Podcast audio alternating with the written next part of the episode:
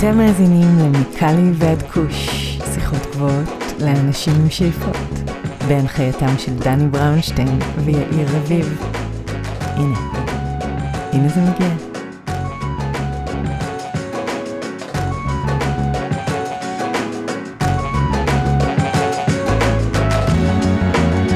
אהלן אהלן, מה קורה ארי?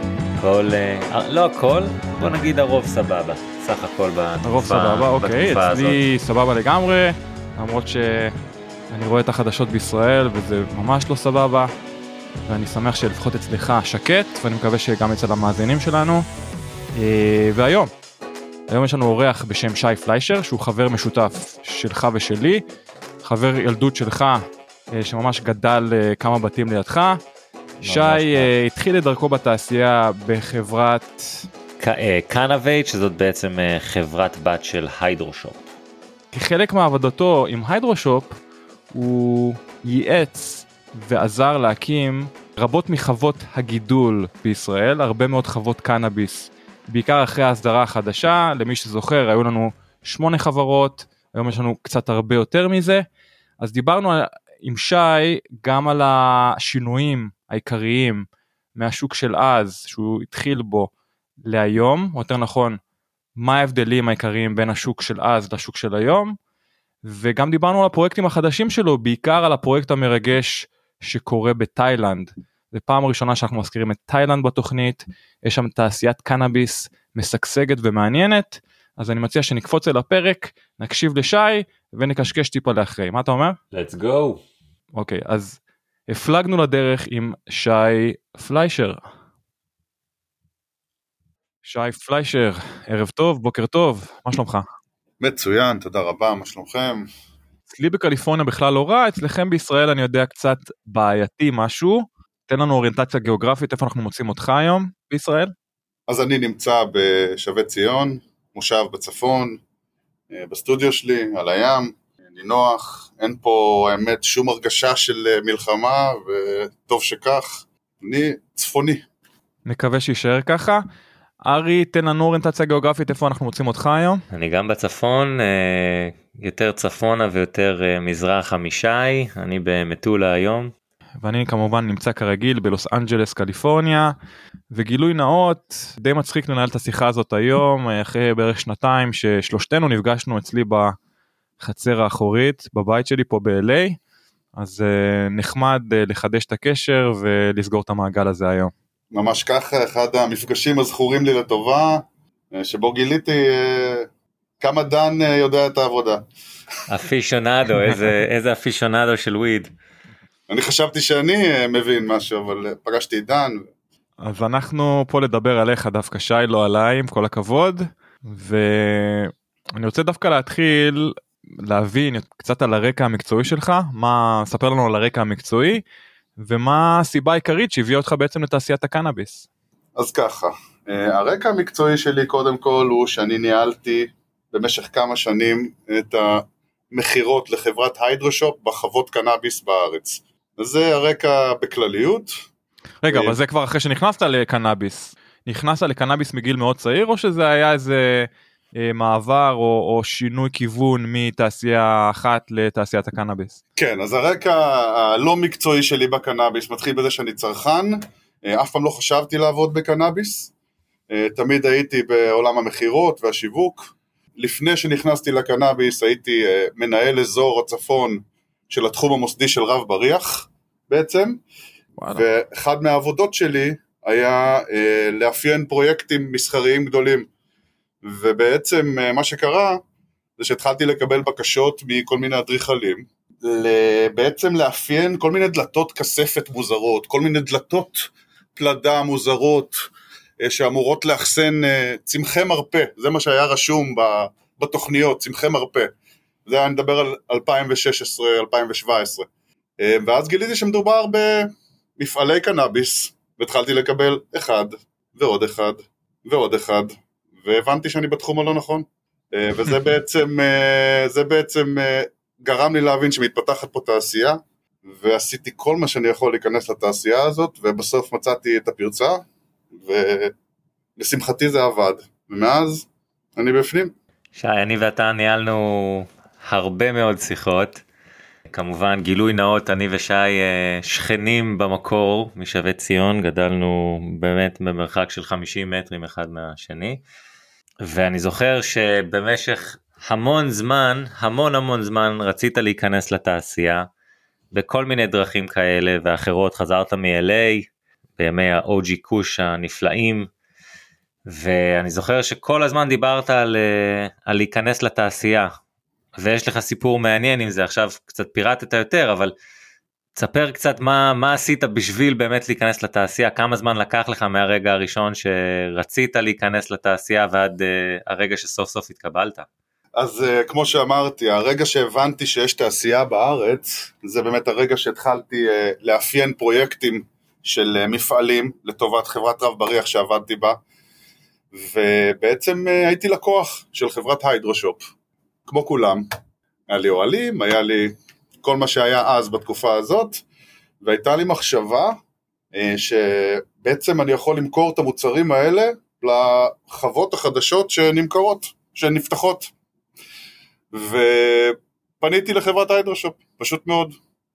ובאותו זמן גם הלכתי ועשיתי קורס קנאביס, הייתי במחזור הראשון בשרונה, קורס קנאביס של הטכניון, אני חושב שזה היה ב-2017 או 2018, אני כבר לא זוכר האמת, ובעצם התחלתי לפנות להיידרשופ, והם, מסתבר, היו בשוק הביתי אז, הם לא ידעו עדיין שמגיע הגל הגדול של החוות, ובמשך שנתיים בעצם פניתי פעם אחרי פעם, כל פעם אמרו לי, אין לנו משהו בשבילך, אין לנו משהו בשבילך, ובסופו של דבר, אחרי שנתיים, שאני כל שלושה חודשים שולח את הקורות חיים שלי, וממש זה, הרגשתי שזה מה שאני צריך לעשות, זה היה ממש calling כזה. אמרו לי, בוא, בוא לראיון. ומשמיים, ממש ככה, אמרו לי, אנחנו רוצים שתמכור לחוות, שזה מה שרציתי וזה מה שפיללתי. אמרו לי, בוא תנסה. ונכנסתי לחברה. ונכנסתי לרן של שלוש שנים שנפתחו במהלכו מעל 35 חוות בארץ, שאני הייתי שותף בכל אחת ואחת ההקמות האלה. זה מה שנקרא עניין של טיימינג, שאני ממש אה, מרגיש אה, מבורך, היה לי ממש תזמון ורצון שהתחברו ביחד, וזה בעצם על רגל אחת הסיפור כניסה שלי לתעשייה, הוא מורכב מאוד הרבה פרטים קטנים באמצע, אבל זה פרק בפני עצמו. אז דיברת באמת על uh, שלב ההקמות של הרבה מאוד חוות בישראל, שאתה היית חלק מאותו שלב או שלבים. אתה יכול קצת לספר לנו על אותם שלבים, מה הם כוללים? אז ככה, אז קודם כל, כשאני אה, נכנסתי לתעשייה, היו את הביג אייט, מה שנקרא את השמונה הראשונות, אוקיי? וכשאני נכנסתי לתעשייה, בדיוק uh, התחלתי לעבוד עם החווה התשיעית והעשירית בעצם, וזה בעצם בשלב של אחרי הרפורמה, בשלב שנכנסו בעצם כל התקנים, אוקיי? בשלב שמיסדו את התעשייה, והתחילו לעבוד עם תקנים ו-GMP, ובעצם החוות הישנות עבדו מאוד wild west style, ומתי שאני נכנסתי לתעשייה התחיל כל הנושא של אה, בעצם אה, לעשות הכל regulated, אה, עם מבדקים, ואנחנו בעצם היינו שותפים בהקמות של mostly הפוסט הרווסט, זה עיקר המומחיות שלי היה, והיה בעצם גל מאוד גדול של דרישה למיכון אז. זה היה התקופה.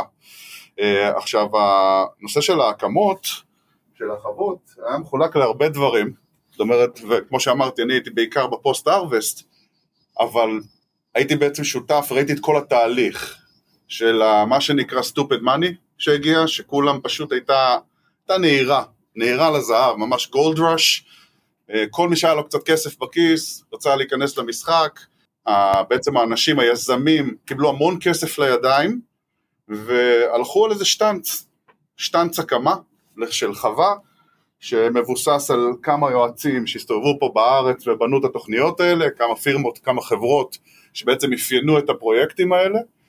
לפי בעצם איזה מודל שהוא אה, בעיקר נלקח מקנדה ומעוד כמה מקומות אבל המודל של החווה הגדולה שמפיקה 5-6 טון בשנה מינימום אמ, היה בעצם חשיבה מאוד על הכל בגדול, אף אחד בכלל לא דמיין לעצמו איפה שנהיה היום, וכולם ניסו לעבוד כמה שיותר גדול, הכל אוטומטי, הכל ממוכן, ואני נכנסתי, הכרטיס כניסה שלי לשם היה בדרישה למיכון, ב post harvest. אף אחד לא דמיין לעצמו שאפשר להעסיק 100, 150 איש, 50 איש אפילו ב trimming, כולם רצו לעשות trimming ממוכן, ביקשו את זה, התחננו לזה לרמה שהיינו מוכרים מכונות, אנשים היו עומדים עם הפיקאפים שלהם, אפילו לא היינו פורקים את הסחורה ב-warehouse. אנשים היו פשוט מעמיסים ופשוט מחכים למכונות. מה שאנחנו עשינו בעצם, וזה בעצם השינוי הגדול, היה לעבוד ביחד עם החקלאים אה, ובעצם ללמד אותם על כל המיכון, שזה מה שאני עשיתי, ככה התחברתי חיבור אישי מאוד חזק לכל החקלאים, אה, הייתי שותף בעצם לקציר ראשון ב-26 חוות, זאת אומרת גזרתי את הסרט בקציר הראשון ב-26 חוות, הקציר המסחרי הראשון, ואני אגיד לכם שלא פיללתי ולא תיארתי לעצמי שנגיע לאן שהגענו, כולם נהיו חברים שלי, ובעצם נשפך המון המון כסף, אני ראיתי את החוות האלה עומדות ומוקמות, עם כל התוכניות הגרנדיוזיות, ואף אחד לא פגע. אפשר להגיד היום שכל התוכניות שהיו אז, וכל ההקמות והאדריכלות המפוארת שנעשתה שם, אה, לצערי אני אומר, אף אחד לא פגע, אנחנו נדבר עוד רגע על התהליכים, אבל uh, מה שהיה אז ומה שיש היום זה עולמות שונים לחלוטין מרמת עלות הגידול לגרם, שהמספרים שאז דיברו היו דמיוניים, ומה שקורה היום, אז זה היה עולם אחר. היום בדיעבד, כשמסתכלים על תקופת ההקמות של החוות, זה ממש מרגיש כמו יקום מקביל. דיברת על uh, stupid money, וגם אמרת שכל מי שהיה לו מעט כסף, אז בוא, אני רוצה לחדד את זה רגע, כי הסטנדרטים שביקשו פה בשביל להקים חוות היה משהו לא נורמלי, אנחנו מדברים על 4 אה, מיליאר, אה, מיליון שקלים על אה, חווה של דונם, אם אני לא טועה, על כל דונם, והקטע של הסטופיד מאני, שאנשים, אתה חושב שהם לא ראו לאן הם נכנסים, אתה חושב שהם לא ידעו בדיוק, כאילו המשקיעים, באמת, שאלה ששמו את הכסף הראשוני, אתה חושב שעשו עליהם סיבוב, אתה חושב שהם פשוט לא ידעו מספיק מה קורה, או שבאמת מכרו להם אשליה והם האמינו בכל שבב של תקווה שזו הדרך היחידה לעשות את זה? אז קודם כל, לא עשו סיבוב על אף אחד, זה בטוח. כולם היו בטוחים שהם הולכים להיות מיליונרים. כולם חשבו ש... שזה פשוט הולך להיות חגיגה. פשוט שפכו כספים על דברים, באמת, כאילו, דברים שראיתי, אני, אני אפילו לא אגיד, זה אפילו, זה מביך להגיד את זה היום, בדיעבד. למה? אבל...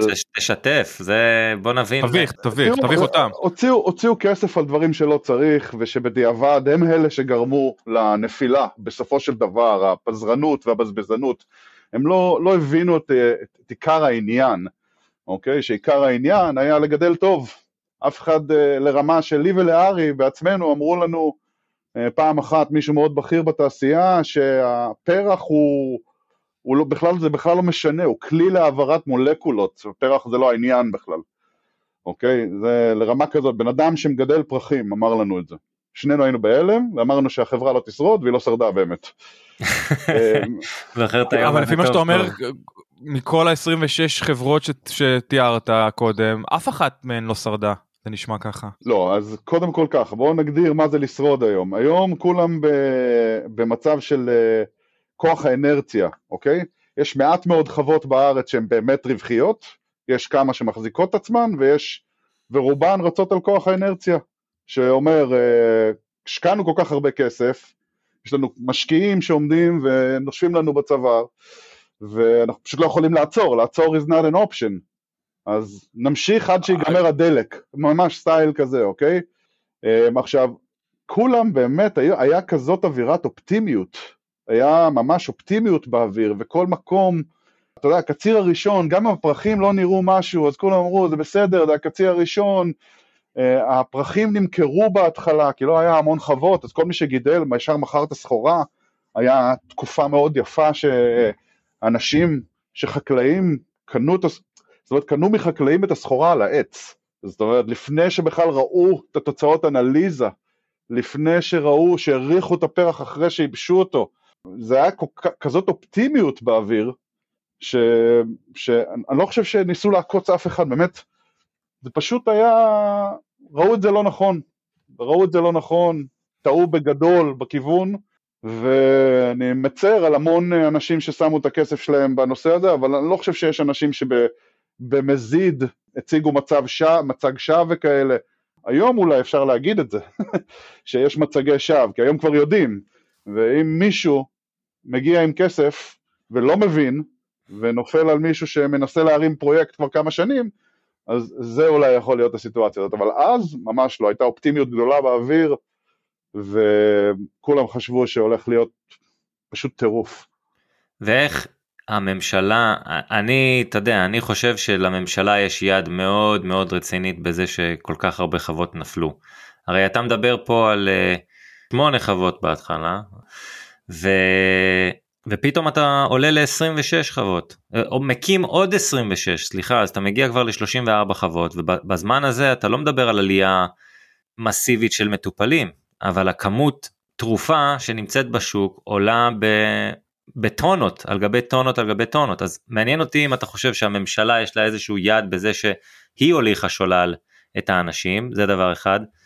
ודבר שני איך החוות החדשות האלה לא קלטו את זה שיש עוד 26 חוות בהקמה שבזמן הזה ההיצע ישתנה אז כשההיצע גדל המחיר ירד. איך הם לא הכניסו את זה לתוך האקסלים שלהם? איך האקסלים כל כך שיקרו? זה לא לא לא ברור לי.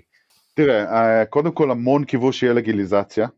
תקווה שנמוגה עם הזמן. הרבה מהם ממש קיוו לזה.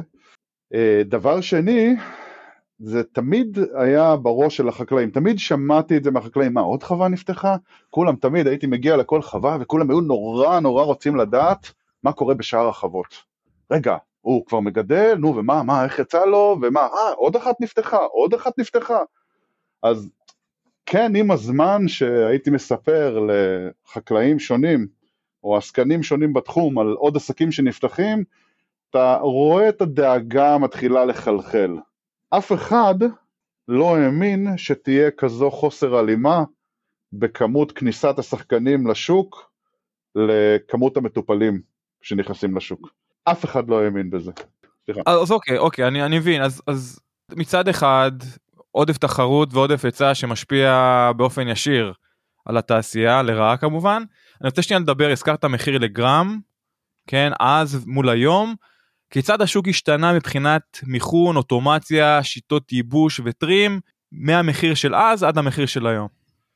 אז קודם כל, כשדיברנו על הקמת החוות ודיברנו על הנושא שכולם רצו לגדל כמויות גדולות, אז אף אחד לא דמיין בעיני רוחו איך עושים את כל העבודה הזאת בצורה ידנית. וכולם רדפו אחרי המיכון והאוטומציה, ובהתחלה של העבודה כולם רצו לעשות טרים רטוב. כולם קצרו את הפרחים, ממש השתמשו בבקרים, מה שנקרא, מורטות, שמפשיטות בעצם את הפרח מה, מהגבעול, ו, והשתמשו בשיטות נורא מסחריות אז, שמתאימות לתעשייה גדולה, כמויות גדולות, וכשדיברנו עם אנשים על טרים יבש, אנשים לא הצליחו להבין את זה אפילו, הם, הם אמרו לנו, אבל אין לנו מקום לייבש, אין לנו מקום לייבש בתלייה, כולם ייבשו במגשים. כי זה חוסך מקום, והיה לנו גם מיכון של trim יבש, אבל אף אחד לא רצה לעשות את ה trim יבש, כולם רצו לקצוץ את הפרחים רטוב, ואז עשו מה שנקרא, חלק מכרו אותם ככה as is, אז עוד היה סטנדרט נמוך יחסית בגימור, ובעצם רוב העבודה הייתה נעשית רטוב, עושים trimming רטוב, מייבשים, עושים קצת, קצת trimming יבש עם מספריים, ומסיימים את התהליך. בעצם התהליך של ההצפה של הסחורה הביא לסיטואציה שהבאצ'ים הפכו להיות קטנים יותר עם הזמן והשינוי הגדול הוא שאנשים הפכו מבאצ'ים של 200 קילו, 250 קילו, 150 קילו, היום אנשים ירדו לבאצ'ים של 50 קילו ופחות מזה גם, שא' כל מייתר מיכון מסיבי אוקיי? קול אה, הוא בעצם אה, מאפשר לעבוד ידני עכשיו על כל האצוות, פתאום אתה כן יכול לשים אה, 20 איש שיעשו עבודה, לא שווה לך להדליק מכונה יותר. המון מהשינוי נובע בדבר הזה שהבצ'ים הפכו להיות קטנים יותר בגלל העודף, בגלל שאין לך מה לעשות יותר עם 200 קילו בשוק. והסיבה שהכל בעצם, הכל הפך להיות בצ'ים קטנים, הוא גם העלה מאוד את המחיר. הכל נהיה, גם אם אתה גדול, אתה צריך לעבוד בצורה בוטיקית. אוקיי? יש חוות ענקיות בארץ, שהן ליטרלי כמו עשר חוות, אוקיי? תאים קטנים יותר, בגמלון או בתא מגדלים פתאום ארבע זנים, לא מגדלים זן אחד. זה עיקר השינוי המסיבי שהשוק עבר. הוא עבר מטרים רטוב קודם כל לטרים יבש בהדרגה, מכיוון שהאצוות קטנו, אז עכשיו פתאום כן אפשר לייבש בתלייה, מה שמגביר את האיכות כמובן, אנחנו יודעים את זה, ובסופו של דבר גם הביא את זה למצב של הכל ידני, בגלל שהאצוות כל כך קטנות כבר לא שווה להדליק מכונה אפילו. וכמובן שבגלל התחרות המסיבית, אז זה כבר תחרות של הפרחים איך הם נראים, ממש, אנשים שקונים עם העין, וממש מפנפנים את הפרחים היום לרמה של, לרמה של ממש כל פרח עוברים, וכמו שצריך כמובן, אבל לא קשור למה שהיה אז, לתכנון המקורי של העסק שלהם. אני זוכר שדיברתי איתך על זה ואמרתי לך שי הולך להיות שינוי גדול בשוק הולכים לעשות הנטרים uh, הולכים לעשות הנג דריי כל הדברים האלה וזה היה נשמע כל כך uh, מדע בדיוני לך שהתעסקת עם כל כך הרבה מכונות וכל הדברים האלה אז אני זה מעניין לראות את הגלגל הזה חוזר uh, מסתובב לו חזרה מהאנשים שבאמת עשו את זה פעם ידני למיכון וחזרה לידני. איך המחיר לגרם השתנה למגדלים? המחיר עלה, אה, זאת אומרת אז דיברו על אזור של שקל וחצי, שתיים, שתיים וחצי עלות גידול לגרם בחממה, היום כבר מדברים על עלות גידול של בין ארבע לחמש, גם שש בחממה. כל התהליכים הבוטיקים האלה מאוד יקרו, את כל התהליכים בתוך החווה, אה, והנושא שצריך להשקיע מאוד בשיווק. אה, הדברים האלה היום עולים יותר כסף והעלות גידול עלתה במאות אחוזים. בגלל הבאצ'ים הקטנים יותר או בגלל כן. uh, וואלה. יותר ובאותו... התעסקות עם הצמח, יותר התעסקות, פתאום אתה צריך uh, במקום לשלוח 200 קילו למעבדה, לעשות בדיקת מעבדה, אתה שולח אצוות קטנטנות יותר, אז יותר בדיקות מעבדה, זה יותר אנשים שעובדים על הפרחים, זה יותר הוצאות על שיווק, יותר זמן עיבוד בכלליות, שאז היית זורק את זה למכונה ומוכר את זה, מה שנקרא על הפאדי זה פשוט מוכר. אז איך כוח האדם השתנה מהבחינה הזאת? כי אתה אומר מצד אחד שוק שמכוון לכיוון של אוטומציה וייעול והוזלה של מוצרים, מצד שני בפועל קורה בדיוק ההפך, חוזרים לשיטות של uh, ייבוש ישנות וטרים ידני, אז איך כוח האדם השתנה? כי לפי מה שאתה אומר צריך להיות יותר כוח אדם כרגע, כי יש יותר חברות ויותר uh, עבודה ידנית. אז בפוסט ארווסט הוא השתנה uh, מהצורה של הבאצ'ים קטנים יותר, מה שמצריך פחות אנשים מן הסתם, אין לך עכשיו 200 קילו לעבוד עליהם, יש לך עכשיו בצבא של 20 או 50 קילו, אז מהבחינה הזאת זה כבר נהיה הגיוני. אם היה לך צבא של 200 קילו לפני זה, תחשוב כמה אנשים אתה צריך בשביל להריץ במכה 200 קילו, לצורך העניין, אוקיי? אה, כמה אגב תן לנו סבר לנו את האוזן פחות או יותר מבחינת סדר גודל בשביל 200 קילו כמה אנשים אנחנו צריכים בשביל אה, להוציא את הסחורה לשוק? בשביל להוציא את הסחורה לשוק במכה אתה צריך אה, בין 50 ל-100 איש. אוקיי. והיום החדרי trimming הם בין 10 אנשים ל-20 איש במקרה הקיצוני. אוקיי. אז בכל זאת עם כל, עם כל התכנונים וההבטחות, בסוף כוח האדם צומצם, הבאצ'ים צומצמו, וזה נראה כאילו הם פועלים אה, בשיטת הלית ברירה. זאת אומרת, אה, נעשה ככה כי זאת הברירה היחידה שיש לנו. ממש ככה, אה, בוא, נ, בוא נגיד דבר כזה. אנשים לא עברו לידני בגלל שזה אה, איכותי יותר, זה לא הסיבה. זה נכון שזה התוצר לוואי, זה כן איכותי יותר, אבל אם הם כולם היו יכולים, כולם היו עובדים עם מכונות. טוב, אז נראה לי שדיברנו מספיק על העבר ועל מה שעשית, והזכרנו כבר לא מעט את החולאים ואת האתגרים שיש בתעשיית הקנאביס דהיום. בכל זאת אני רוצה להתמקד מה אתה עושה היום, אם תוכל לשתף אותנו אה, לגבי הפרויקטים הנוכחיים שלך. כן, אז אחרי שעזבתי את היידרושופ, בעצם אה, אני מתמקד בשלוש פעילויות מרכזיות. יש לי פעילות בארץ, בעצם הקמתי חברה עם עמית קליסקי, שהוא לשעבר הבוס שלי בהיידרושופ. אה, הוא גם עזב את היידרושופ, ובעצם הוצאנו רישיון קונסטרוקטיבי ביחד, אנחנו בעלים של רישיון קונסטרוקטיבי, ויש לנו פרויקטים של אה, ייעוץ ומיקור חוץ, עמית עושה מיתוג לחוות, כל מה שקשור לאקססוריז ושירותי מיתוג, ואני עושה כל מיני פרויקטים של פיתוח עסקי לחוות, בין אם זה חוות בהקמה שיש עדיין, זה מצחיק בהקשר לשיחה שלנו קודם, יש עדיין חוות שקמות. מי, מי מקים חווה בישראל היום? אולי אחרי הפודקאסט הזה זה ישתנה.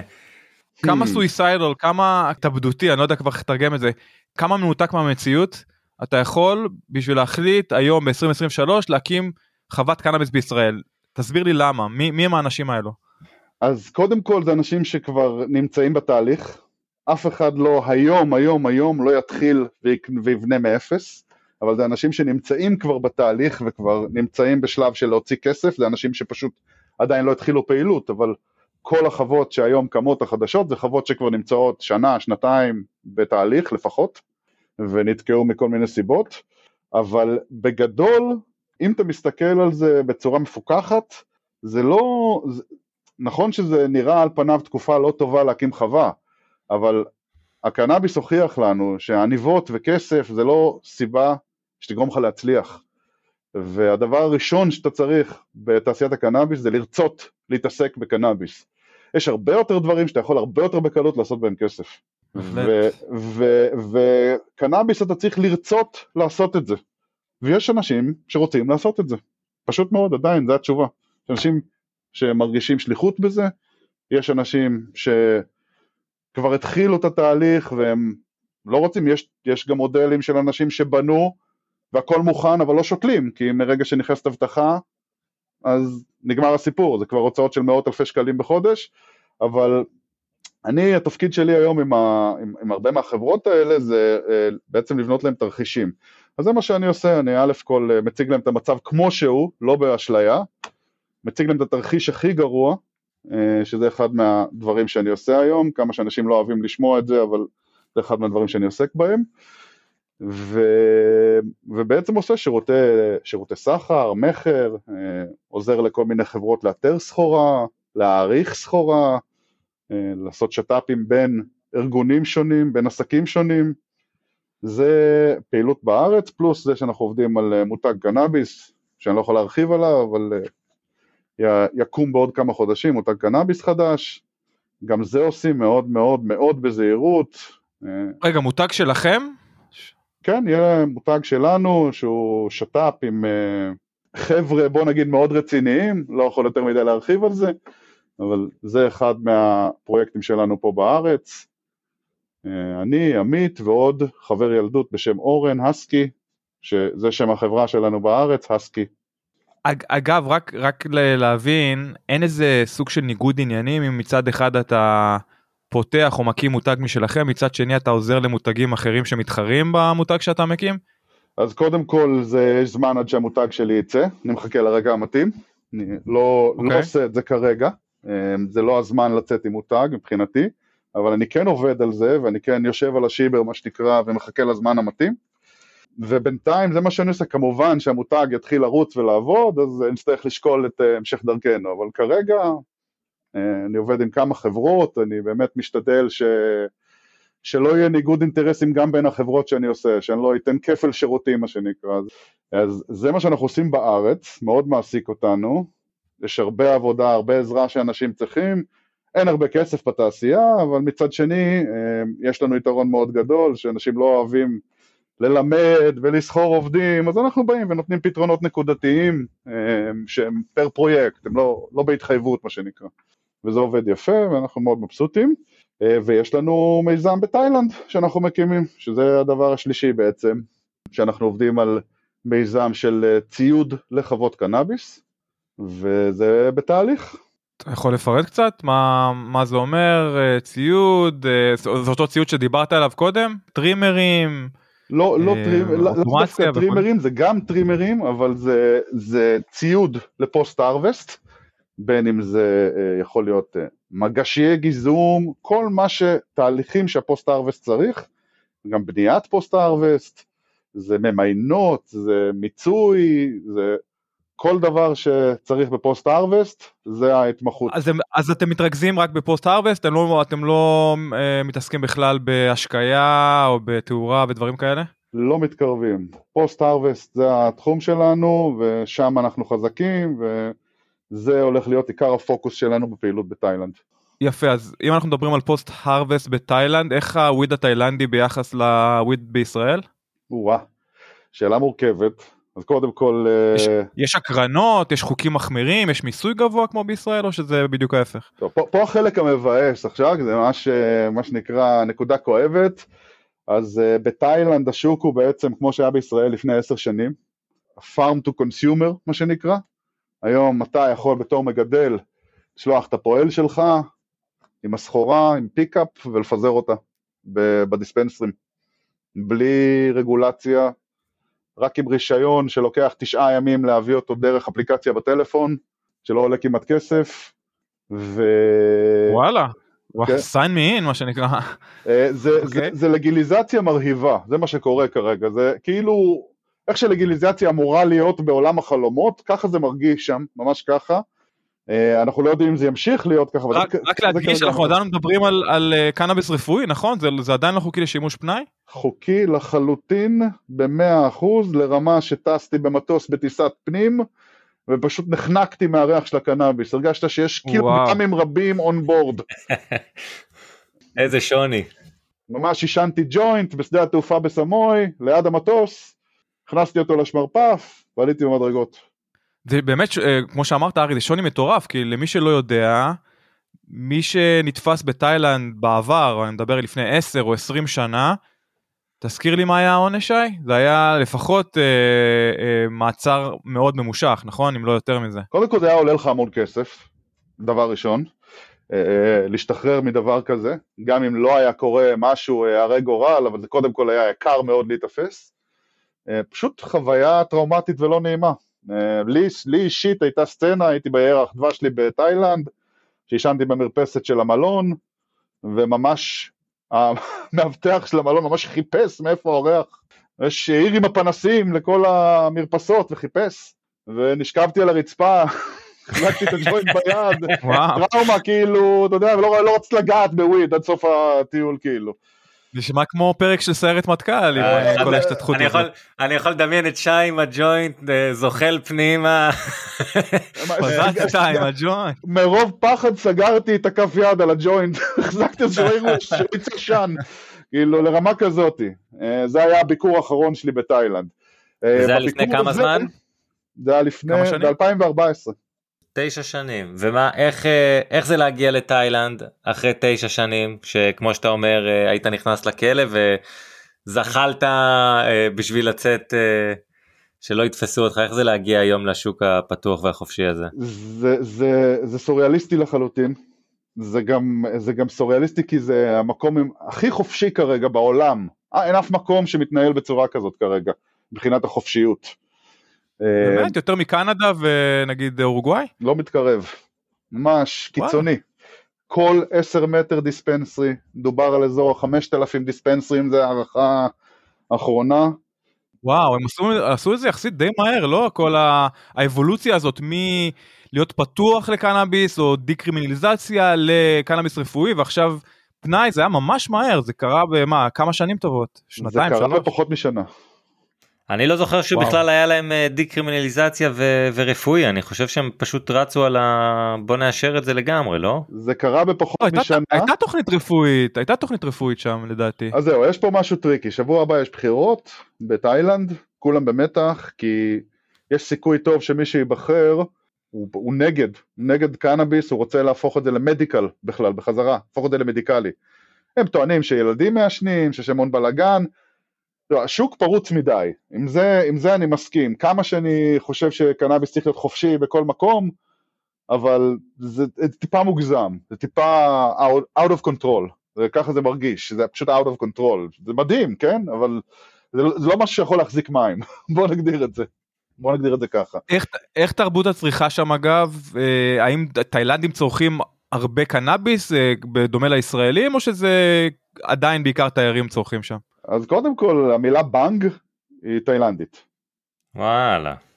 בנגלסי לא? או שזה בעצם לא, זה הודי. בנג זה מילה תאילנדית, יש את הבנגים מהבמבוק המסורתיים האלה שאתם מכירים, זה אזור לאוס, תאילנד, אז אה, זה מאוד במסורת, יש את הטייסטיק, את הלנד רייסס שלהם, זה מאוד, אה, נכון. מאוד עממי, מאוד מושתת שם בעם, זה עם של סטלנים, אוהבים לשתות, הם אוהבים לעשן, אבל לפי לפחות אה, סט, סטטיסטיקות אחרונות שבדקתי, מדובר על בערך 20% מהצרכנים בתאילנד, 80% הם תיירים. וואו. וזה ה-game changer הגדול של התעשייה הזאת. רק לדבר קצת על האיכות של הפרחים ששאלת בהתחלה, אה, האיכות נעה מחשה במזרעים במחיר, אה, במחיר זול, במחירים באמת אה, של, של כמה שקלים לגרם, לטופ נוטש קאלי ב-100 שקל לגרם גם. וואלה, אז כן. חוקי, כן? אנחנו לא מדברים על שוק, ש... שוק מסורתי, אלא שוק חוקי. חוקי שמוכרים בדיספנסרי, אתה נכנס לדיספנסרי, אומרים לך זה אימפורט, מוברח. זה יבוא, הם קוראים לזה אימפורט, אבל זה בעצם מוברח. שהעבירו את חוק הלגיליזציה, אז בעצם אסרו על יבוא, יבוא בעצם אסור, ויצוא מותר, כדי לחזק את הכלכלה בעצם. ו... ועדיין נכנס כמויות מטורפות של וויד מקליפורניה, מאמסטרדם, אז אתה יכול היום בבנקוק, בכל מקום שאתה רוצה, למצוא קנאביס, קאלי, אמיתי, איכותי, שאפילו נשלח בקירור. תאמין לי, אני לא יודע איך הם עושים את זה, אבל, אבל הוא מגיע, מריח טוב, הוא פרש, וזה זה, זה כרגע המצב שם, יש שם את כל המגוון, את כל הריינג'. מה שכן, אה, עלולה להיווצר להם בעיה, אה, כי התנאים בתאילנד הם לא מדהימים לגדל קנאביס אאוטדור ובחממה. אז, אה, אז בעצם זה... זה, זה למה. לא? תסביר לנו, זה בגלל הלחות הגבוהה? חום, לחות, מאוד קשה לשלוט על הפרמטרים בייבוש, צריך באמת אינדורים מאוד נחמדים בשביל להוציא קנאביס באיכות מאוד גבוהה, בוא נגדיר את זה ככה. אז, אז... אבל, אבל למה חממות לא? זה אותו דבר, החממות הן עדיין מושפעות, אתה יכול uh, לשלוט במידה מסוימת, אבל לא, לא לגמרי. זאת אומרת שאם יש לחות מאוד מאוד מאוד גבוהה, או חום כבד, או מכות גשם, מונסונים, זה צריך להיות מאוד עונתי, למרות שגם בעונה זה הכל הפוך שם, אבל, uh, אבל מאוד, יהיה מאוד קשה לשלוט על האיכות. יש כבר בעיה של, אנחנו שומעים כבר דיווחים על המון עובשים, uh, על המון מחלות שמתפתחות שם, יהיה מאוד קשה לגדל אאוטדור שם, וגם אינדור, אה, התנאים מאתגרים, כי יש המון לחות וחם, זה יהיה מאוד יקר, חשמל מאוד יקר. יש כל מיני אתגרים כרגע עם תאילנד, מה שנקרא זה שוק של קפדאו וחשדאו. הוא מדהים, אבל הוא שוק שרחוק מלהיות יציב ורחוק מ... מסטנדרטיזציה, בוא נגדיר את זה ככה. מה שאותי מעניין זה שיש לך את ה... חבר'ה בארצות הברית ובקנדה ובאמסטרדם שאתה יודע דיברת על הטייסטיק וגנטיקות של תאילנד שזה אני זוכר זה סטיבות אה, אה, צמחים נקרא לזה סטיבות כן כי זה מה שכולם מכירים אבל עלים מאוד אה, צרים ו, וצמחים מאוד מאוד אה, גבוהים. ומדהים אותי שכאילו כולם אתה יודע נסעו לתאילנד הבריחו זרעים חזרה של אה, גנטיקה תאילנדית בשביל שיהיה להם את זה שם. ופתאום התאילנדים רוצים את הדברים של האמריקאים, של הקנדים, של ההולנדים. ודרך זה... אגב, המגדלים תאילנדים טוענים שהטייסטיק is nowhere to be found, basically. וואלה. ה landraces כמעט נמחקו לחלוטין. אין אף אחד שמחזיק בגנטיקה של Thai sticks? זה גנטיקה מקורית? יש, אבל מאוד מאוד מאוד קשה להשיג. את ה landraces האמיתיים. ההיגיון, ההיגיון שלי אומר שעם כל האתגרים של הלחות והחום בתאילנד, דווקא Thai sticks יגדל הכי טוב, לא כי הוא כביכול חסין לכל התופעות האקלימיות האלו. הוא יגדל הכי טוב, אבל מה זה הכי טוב? זאת אומרת, הוא, הוא מסורתי, זה weed מסורתי, זה לא weed שנראה כמו ה weed של היום, החתיך, המגולח, המריח טוב, זה, זה וויד שהוא מהשדה, מה שנקרא. מעניין וזה שאלה כנראה למישהו שמבין בגנטיקה לאחד האורחים שלנו שהיה פה אם זה אני יודע מה, צ'חנובסקי או מישהו אחר, מעניין אותי כי אני, אני בעצמי כרגע משתמש בהחלאה, בהייבריד, שיש לו גם הורים מתאילנד, ואני חייב להגיד שהוא אחד המוצרים היותר טעימים שטעמתי לאחרונה. מעניין אותי אם יש איזה, איזשהו סוג של החלאה, שמצד אחד ישמר את כל המבנה הגנטי של הטייסטיקס, שימשיך להיות חסין לאותן תופעות אקלימיות, ומצד שני, כן יעשה אותו חתיך יותר, יפה יותר, ריחני יותר, טעים יותר, חזק יותר, you name it. אז אני בטוח שיש, אני לא הכרתי עדיין, אני בטוח שאני הולך להכיר בחודשים הקרובים, אני, אני, אני אודיע לך ברגע שאני אמצא, וזה מסקרן מאוד גם אותי. אה, המון המון מגדלים הגיעו לתאילנד, הביאו את הלנד רייסס, עשו את ההכלאות, אז אני בטוח שיש המון, עשרות אם לא מאות של אה, זנים שיש להם הורים תאילנדים, אה, ושיש מה שנקרא שמקסמו את הטייסטיק בוודאות. אני עדיין לא, לא, לא ראיתי ולא נתקלתי, אבל אני בטוח שזה שם. אני עכשיו מסתכל פה על ליפלי ועל טאי. דירוג 4.2, THC 19 אחוז, CBG 1 אחוז, אתה יודע, נגיד שזה המצב, אבל פה הם כותבים Thai refers to a cannabis variety that grows natively in Thailand and was brought to the US in the 1970s and 80s. אז אנחנו כבר שנים על גבי שנים על גבי שנים שמשחקים עם הגנטיקה הזאת. Uh, this pure sativa landrace is sometimes called tie sticks because of the way its buds are traditionally dried and tied into long sticks. וזה הקטע המגניב, זה הוויד התאילנדי לפי מה שהם אומרים פה הוא אב הרבה מאוד מהדברים. Uh, this original Thai variety has given rise to many strains we commonly see on the market today, including Voodoo, Juicy Fruit, and the classic Haze. Thai mm. induces powerful but comfortable effects and has a distinct fruity citrus aroma This strain is a challenge for growers outside tropical climates, but greenhouse gardens make this grow possible for experts patient enough for Thai's long growth cycle and slow flowering. הללויה. מעניין, ורק רק לסגור את המעגל, הזן, אה, הג'ינג'ר טי, H שהזכרתי, הוא החלאה של טאי לנדרס ופייס אוף OG יחד עם מונבו נאמבר 7, למי שזה אומר לו משהו. שורה תחתונה מוצר מדהים אני מחכה לטעום עוד דברים uh, ב, בסגנון הזה. אז היום בתאילנד יש בעצם uh, הרבה סוגים של מגדלים. כמו שאמרתי יש uh, מגדלים שכבר קודם כל כל העולם מגדל שם יש מגדלים מארצות הברית מספרד המון אמריקאים שנכוו מהתעשייה בארצות הברית עברו לגור בתאילנד מגדלים בתאילנד. זה פשוט כמות של מגדלים עלייה לרגל של טובי המוחות בעולם נמצאים שם אין מישהו שמכבד את עצמו, מה שנקרא, ומחשיב את עצמו כעסקן בתעשיית הקנאביס, שלא הגיע כבר לתאילנד לראות מה קורה שם במינימום. אני חייב להגיע. ולהתחיל שם אופרציה. טוב. זה אומר, אומרים שזה תוך שנה, לפי איך שזה נראה, זה כנראה יהיה השוק החזק בעולם, אם זה ממשיך ככה. מה, בגלל התיירות הגואה, או יש, כי אתה אומר שהמקומים דווקא לא... אז, אז קודם כל מקימים המון מתקני אינדור, שהולכים להעלות את האיכות משמעותית. The flood is coming, ההצפה, זה שיהיה יותר מדי חומר בשוק, מגיע.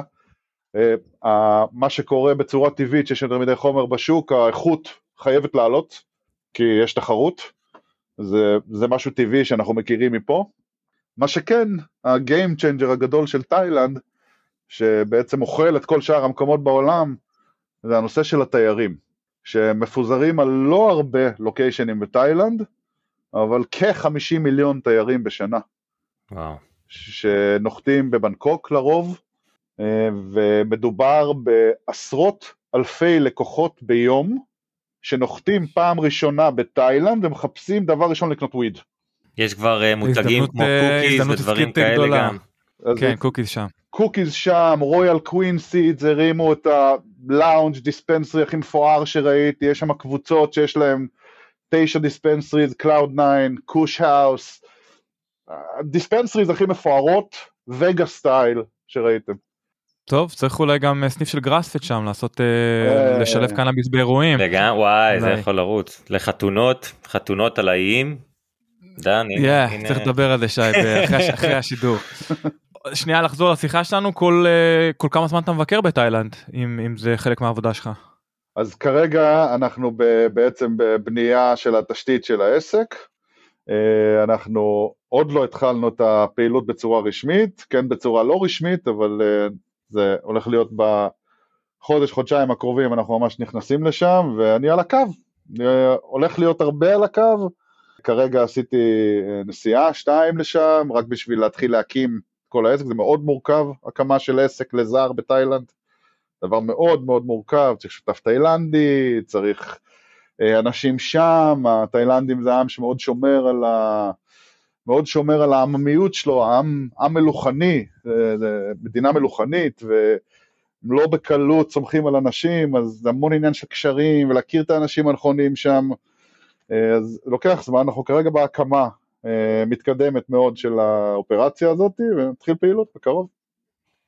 יפה, מעניין מאוד, שמע, זה בכל זאת, אה, כמו שתיארת, זה תרבות עסקית אחרת, אה, בכל זאת אה, תרבות אסיאתית, שגם שונה מהסינים והיפנים בהרבה מאוד מובנים, אבל איך, איך מתקשרים איתם? זאת אומרת, מעבר לאתגרי שפה ותרבות בסיסיים, איך, איך התקשורת נעשית? זה, זה אז, במיילים, אז... זה בטלפון, זה רק פגישות אישיות, זאת אומרת, איך, איך הם עושים עסקים? אז קודם כל חייב, בגדול חייב גורם תאילנדי, מקשר.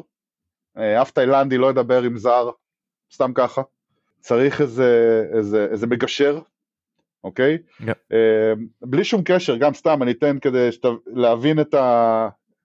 כמה, כמה העם שומר על עצמו מזרים. אתה יכול שיהיה לך דיספנסרי בתור זר, אוקיי? להיות שותף 49% בדיספנסרי, אבל שקונים את הקנאביס, שמשלמים עליו, מי שנוגע בכסף חייב להיות תאילנדי, לרמה כזאת. אתה לא יכול בתור זר okay. אוקיי. לגעת בכסף שקנו קנאביס. הם ממש שומרים על עצמם, ו- והם מאוד מאוד עם שמאוד, אה, מאוד בוא נקרא, הישראלים נגיד, תאחר לפגישה, זה בסדר, בישראל מאחרים לפגישות, זה מקובל, זה... בתאילנד אתה לא תכבד תאילנדי, נגמר, הוא לא, לא יענה לך לטלפון יותר. זה תרבות שממש כן. מחייבת אותך, זה תרבות של כבוד, אה, אתה חייב מגשר בשביל לעבוד שם, זה מה שהופך את הפעילות שם לכזאת מורכבת בעצם. מעניין. שתי שאלות. יש הייפ על strainים אמריקאים אני בטוח אה, עם Cookies שם וכל זה. איך, אה, איך השוק מבחינת uh, התחום האהוב על דן שזה החשיש לסוגיו כל ה extraction וכל הדברים האלה והאם השוק של, של ה edibles והמשקאות כבר הגיע. אז עכשיו הזכרת לי למה גראספד לא יוכל לעבוד שם, כי מיצויים כן. לא חוקיים שם בעליל. אוקיי, אגב, אנחנו כשהתחלנו לעבוד בקליפורניה לא היו יותר מדי מיצויים, עבדנו בעיקר עם פרחים, מדהים. אז כשהתחלנו בסוף 2016 היה בעיקר אה, CO2 פה ושם קצת רזין, אבל לא היה את הטירוף שיש היום, אז כן, אפשר לעשות התאמות. אז פרחים הולך בגדול, מיצויים, ביג נו נו, וייפורייזרים. אז גם אז, אז אין אדיבולס, כי אם אין מיצויים אין אדיבולס גם. יש אדיבולס בקטנה שמוכרים מחתרתית, יש הכל, זאת אומרת יש אדיבולס, אבל זה לא חוקי. מיצויים לא okay. אוקיי. חוקי בתאילנד היום. אוקיי, okay, היום, יש מצב שנדבר עוד שנתיים שלוש וזה לא יהיה המצב כבר. כנראה שאתה צודק. והתאילנדים מעשנים אה, כמו הישראלים, או עם, אה, עם טבק, או שמעשנים כמו אמריקאים? פגשתי גם וגם, גם וגם, תאילנדים שהם נחשפו לתרבות המערב, שהם מתערבבים הרבה עם אמריקאים וישראלים, אה, יעשנו כמונו, אבל לרוב, לרוב זה, פגשתי מעורב. עם lemongrass, מעשנים את זה. כן. עם ג'ינג'ר יבש. בדיוק, בדיוק, אנשים צנועים, באמת, אנשים צנועים, לא עכשיו, אה, יעשנו מה שיש, לפי איך שאתה רואה את זה. אין, אה, אין, לא ראיתי משהו ספציפי שמעשנים טבק או נקי, לא, לא שמתי לב למשהו כזה. גם אה. ארי עם כל זה שהלגליזציה הייתה שם תהליך מהיר אה, תרבות קנאביס זה משהו שנבנה שלוקח לבנות כמה שנים טובות. זאת אומרת זה לא יכול לקפוץ מ-0 ל-100 תוך שנה מהבחינה הזאת אני כן חושב שהזכרת תיירות תיירות נכנסת של 50 מיליון איש אני חושב שמשם תבוא הבשורה כאילו תיירים בסוף יביאו את כל הטרנדים ל... אה, לאיים התאילנדים. יש, יש תרבות אנדרגאונד אה, מאוד חזקה, הכרתי אישית כמה, כמה אנשים שגידלו בצללים. עשרות שנים, פגשתי שם בעלים של דיספנסרי אה, בשם אה, טרופיקנה, ממש בן אדם חמוד, שסיפר לי שלפני ארבע שנים פשטו עליו סוואט, הגיע הימ"מ התאילנדי לבית שלו, פירק לו את הבית, הוא ישב בכלא, וזאת אומרת, זה, זה, זה מאוד מורכב, it's very complicated, והיום הבן אדם אה, כוכב, כי הוא היה כוכב ב underground, הוא היה המגדל הגדול של ה underground, כולם מכירים אותו, הוא היה גם מאוד חזק בסצנה של ההיפ-הופ, ויש שם תרבות underground מסיבית, מסיבית מסיבית. זה פשוט אה, מאוד מסוכן היה אה, לגדל אז, מאוד, מאוד מסוכן, אבל כן הייתה תרבות אנדרגראונד אה, משובחת.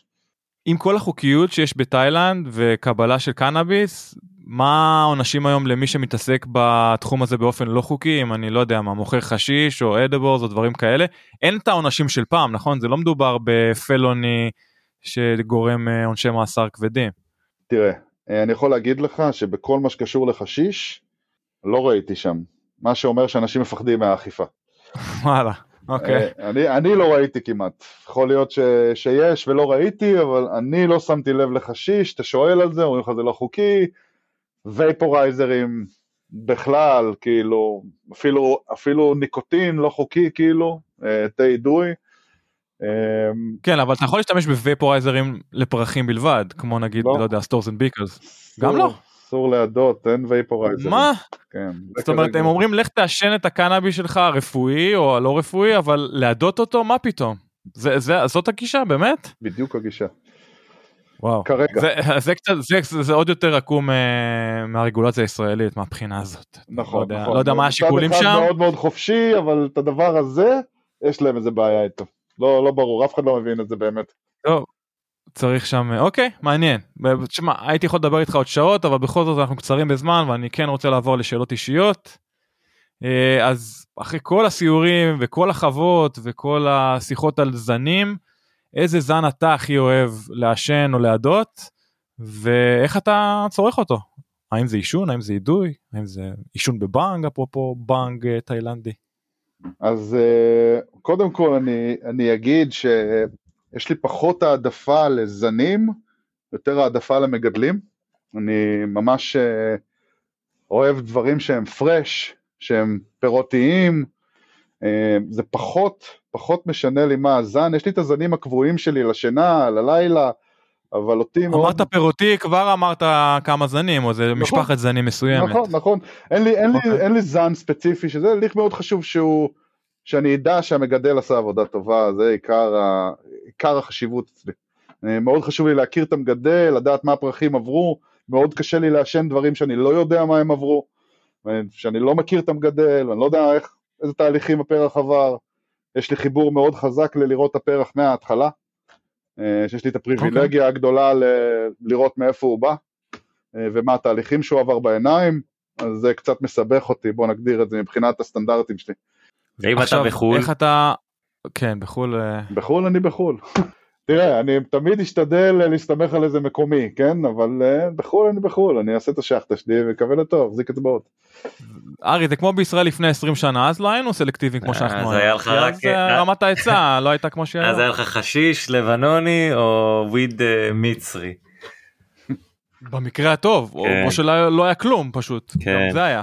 כן, גם יובש היה. איך אתה, איך אתה, איך אתה צורך את זה? אני מעשן במה שנקרא דוג ווקרס, נכון? ככה אתם קוראים לזה? כן, כן ג'וינטים קטנים כזה של 0.3 ומטה כזה? ג'וינטים של 0.3, 0.5, אני מגלגל בסמולס, עם פילטר גדול, ג'וינט נקי ודחוס, בלי טבק, הפסקתי לעשן טבק לפני כמה שנים, וזה זה, זה איך שאני צורך היום, ג'וינטים קטנים ודחוסים, נקיים, זה איך שאני הכי אוהב, מדי פעם שמן, אבל בעיקר ג'וינטים נקיים. אילו שחקנים אתה מעריך בישראל או מחוץ לישראל? אה, נדבר על ישראל, פרגן לישראלים, מחוץ לישראל יש הרבה, אבל בישראל יש uh, כמה מגדלים שאני מרגיש uh, שהבינו את המשחק, פחות או יותר. יש, יש לא מעט, אני אדבר על כמה מאוד ספציפיים, uh, יש חברה בשם גרינקום, שאתה אירחת את בן בפודקאסט, מה-R&D אני חושב שבדרכך, לא נכון. אה, בין גרינקום זה חברה שאני מאוד מעריך, מאוד מאוד משקיעים בתהליכים, אה, מאוד אוהב את הזנים שלהם, טרייקום, שבטח שמעת את השם שלהם פה לא מעט פעמים, שממש יצרו סטנדרט חדש לקנאביס מקומי. מה שנקרא קנדה, קנדה ישראל. ממש ממש שאפו להם. ומה זה מתבטא איך, איך, זה, איך זה קורה ובמה זה מתבטא זאת אומרת הם, הם לא עושים הקרנות הם מה זה פלזמה קרה מה. קודם כל כולם, כולם עושים הקרנות הם עושים הקרנות. לא הבנתי שיש מגדל אחד או שניים שמתגאים בזה שהם לא עושים הקרנות שיש להם או פלזמה קרה או איזה שיטה אלטרנטיבית ש... יש, מגדל, יש, יש מגדלים כאלה. אני אני פחות האמת פחות מכיר את ההשפעות מבחינתי זה מרגיש אותו דבר פחות או יותר אבל בטרייקום שכן עושים הקרנות הם פשוט פיצחו את הנוסחה מאוד מהר לקנאביס שלא נופל משום יבוא והוא לא נופל והוא לדעתי יותר טוב מיבוא כי הוא פרש, אתה רואה קציר, אתה רואה קיורינג של כמה שבועות כאילו וזה אצלך, אתה רואה שזה נקצר כאילו לפני חודש, חודש וחצי. אה, והקרנות לא פוגעות את המוצר? לא, פוגעות וואלה. במידה, פוגעות במידה, אבל לא פוגעות בצורה שאתה מרגיש אוי הפרח נהרס, כאילו... אוקיי, אז לפי מה שאתה אומר זה הקרנות בהרבה מאוד אורחים שלנו בפוד תרצו את האיכות היחסית ירודה בישראל רק או בעיקר בגלל ההקרנות. אני, ש... אני שהרגולציה מחייבת לעשות. אתה פ... כן אתה נותן לנו פה זווית אחרת קצת. אני פחות מסכים עם זה אני חושב שמה שהורס את הפרחים זה בעיקר השרשרת חיול הארוכה שהם צריכים לעבור ולשבת בכל מיני מחסנים אפלים עד שהם מצליחים למכור אותם. Yeah. זה לדעתי מה שפוגע הרבה יותר מהקרנות. אה, הקרנות כן פוגעות בטרפנים במידה מסוימת אבל מי שמגדל טוב מי שמביא מה שנקרא fire in, fire out, אז זה בדיוק הדבר הזה. הכנסת פרח גרוע להקרנה, הוא יישאר גרוע. ברור. יש עוד אנשים בארץ? גרינקום, אה, דרייקום? יש, יש אה, חווה, למשל גרינפילדס, שדיברנו על המודלים הענקיים, שהם בנו חווה במודל עצום, אה, ממש חווה ענקית בכל קנה מידה בינלאומי, שאיכשהו גם הצליחו לפצח איזה נוסחה, שמוציאים סחורה מאוד איכותית, יחסית לגודל, אה, שאני מאוד מעריך את מה שהם עשו שם. יש חברה בשם GreenMed, שגם יודעים להוציא סחורה מאוד יפה. אה, יש להם מותג מעניין. כולם זה green, מה, הם לא, אין, אין נגמרו השמות, אני לא מבין, אתה לא יודע green, green point, green זה, green זה, כמה בלבולים, אנחנו יכולים להגיד שם של חברה חמש פעמים בעבודה ולא להבין שאנחנו מדברים בכלל על שתי חברות שונות. זה לא יאמן, בואנה, כל אנשי המיתוג, אפרופו, לא יודע, שותף שלך או אנשים אחרים שבתעשייה, חלאס חבר'ה בוא בוא לא נעשה את כל השמות obvious האלה ה green זה ו green זה. בסדר זה גם היה בגל החנויות hydro זה green thumb hydro shop hydro store hydro grow grow זה כן hydro פעם היה אשכרה מושג שאנשים חשבו שמעיד על איכות היום אנחנו יודעים שזה קשקוש. כן, כן ההיידרו של סוף שנות התשעים במנהטן בניו יורק היידרו. כן, כן, כן. כן. יפה יפה אז. Uh, אילו קטגוריות מרגשות אותך במיוחד? אני אוהב uh, פרחים, זה העיקר האהבה שלי, ואני אוהב גם דאבים. זה שני הדברים שאני הכי אוהב, זה שני קטגוריות שבאמת מרגשות אותי. יש עוד קטגוריה ש... שאני אוהב מאוד. אז, עכשיו בוא נדבר, אוקיי, מרגשות אותך, בוא נדבר שנייה על פוטנציאל עסקי, או פוטנציאל להצלחה אם זה בשוק, בשוק הישראלי, התאילנדי, הבינלאומי, איזה קטגוריה לדעתך יש לה את הפוטנציאל הגבוה ביותר להצליח? אני רואה תפרחות, זה מה שאני רואה לנגד עיניי. עדיין, וואלה, אולד פשן, תפרחת, לא הולך לשום מקום, אתה אומר. אני אומר שהתפרחת לא הולכת לשום מקום, אה, אני אומר שהתפרחת היא גם הרמה של הגימור היום, ואיך שכל, שנהיה אופנה של נראות של תפרחת, זה, זה הטוויסט החדש בעצם, לדעתי, אה, זנים שנראים שונה, פאנקי, שיטות עיבוד שונות, אה, משנים כל פעם את הטרנדים, זה נורא, נהיה נורא טרנדי, הנראות היום. אמ, אז אני, אני, אני אישית בפרחים, אני לא חושב ששאר הקטגוריות פשוט מספיק מבוססות, כן, משקאות זה קטגוריה שמרגשת מאוד, אפילו היה לי מיזם שניסיתי לעשות יין קנאביס, אה, שלא צלח, אבל, אה, אבל בגדול אני בתפרחות, זו הקטגוריה שאני מתמקד בה בעיקר, ואני חושב שבשנים הקרובות אה, היא לא תלך לאף מקום. אנשים אוהבים לעשן. מסכים איתך למרות שאי אפשר, כן, אי אפשר אבל להתעלם עדיין מקטגוריות האכילים פה בצפון אמריקה, ואם אתה רוצה לדבר על קטגוריות מתפוצצת, זה כל המיצויים והווייפן, אה, שזה בערך, עם המיצויים, משהו כמו 35-40% מהמכירות. מדהים, אה, קודם כל זה מדהים. ש... אה, אני פשוט, זה אישית, אישית מבחינת התחומי עניין שלי, ומה שאני חושב שהטרנדים, אני רואה שמשקיעים מאוד בפרחים היום, ואתה יודע, אתה, אני הולך לשוק תאילנדי היום, שמיצויים זה לא מעניין אפילו בינתיים, אתה מבין? אז אני, כן. יש לי ראייה מאוד צרה על הנושא אישית לי כרגע. אם הייתי בארצות ברור. הברית, כנראה שהייתי מדבר על זה אחרת. לגמרי, וזה רק מראה על כמה מהר התעשייה הזאת זזה, וכמה מהר דברים משתנים במדינות שונות שהעבירו לגליזציה והחליטו לשנות את, ה, את השיטה. נכון? מקווה שגם בישראל בקרוב. אמן, יודע. אתה בכל זאת ראית כמה חוות אה, בישראל ומחוץ לישראל, אז מעבר לטיפ הראשון שהייתי ממליץ לאנשים לא להיכנס לתחום החוות או לתחום גידול הקנאביס, אלא אם כן הם מביאים איזה בשורה מטורפת לתחום, מה הטיפ הראשון שלך ל- לאותה, לאותו יזם שרוצה לפתוח חוות קנאביס, או לאותו מגדל מקצועי שרוצה להרחיב את הגידול הביתי שלו לגידול מסחרי? טיפ הראשון שהייתי נותן הוא, הוא באמת לבדוק כמה באמת רוצים לעשות את זה מבחינה, אה, מבחינת פשן. אני רואה שאחד מהדברים שהכי מפריעים ביזמות הקנאביס היא להסתכל על זה רק בצורה עסקית. אה, זה, זה אחד המחסומים הגדולים שאני רואה אצל יזמים. הפשן והרצון להוציא מוצר טוב הוא המנצח הגדול בדברים האלה, ביזמות, בתחום הקנאביס. זה לא תעשייה אחרת, תעשייה מאוד שונה, תעשיות אחרות כרגע לפחות, והכניסה לתחום צריכה להיות מהסיבה הנכונה. היא לא יכולה להיות עסקית או כלכלית. מבחינתי, איך שאני רואה את זה, זה הטיפ הראשון שהייתי נותן לאנשים. אם אתה נכנס לזה רק מבחינה עסקית, כלכלית, לא בשבילך. For the love of the plant מה שנקרא. כן, ממש ככה. מסכים עם זה לגמרי, מסכים עם זה לגמרי, בטח אם אתה אה, מביא צוות של מגדלים, אה, מגדל שיש לו תשוקה לדבר הזה, אה, יגדל פרח הרבה יותר טוב ואכפת לו לדעתי הרבה יותר מהסחורה הסופית שלו בגלל שהוא צורך והוא מעריך את זה מאשר בן אדם שבדיוק סיים תואר באגרונומיה מגיע ומתייחס לזה כעוד צמח רגיל. או פשוט שיהיה לך את הפשן אה, לעמוד ולהיות בד טנדר אמיתי שעושה אימפקט ומבין את הלקוחות שלו ומבין על מה להמליץ מהעומק, לא סתם אה, כי יש לו מרווח יותר גדול במכירה.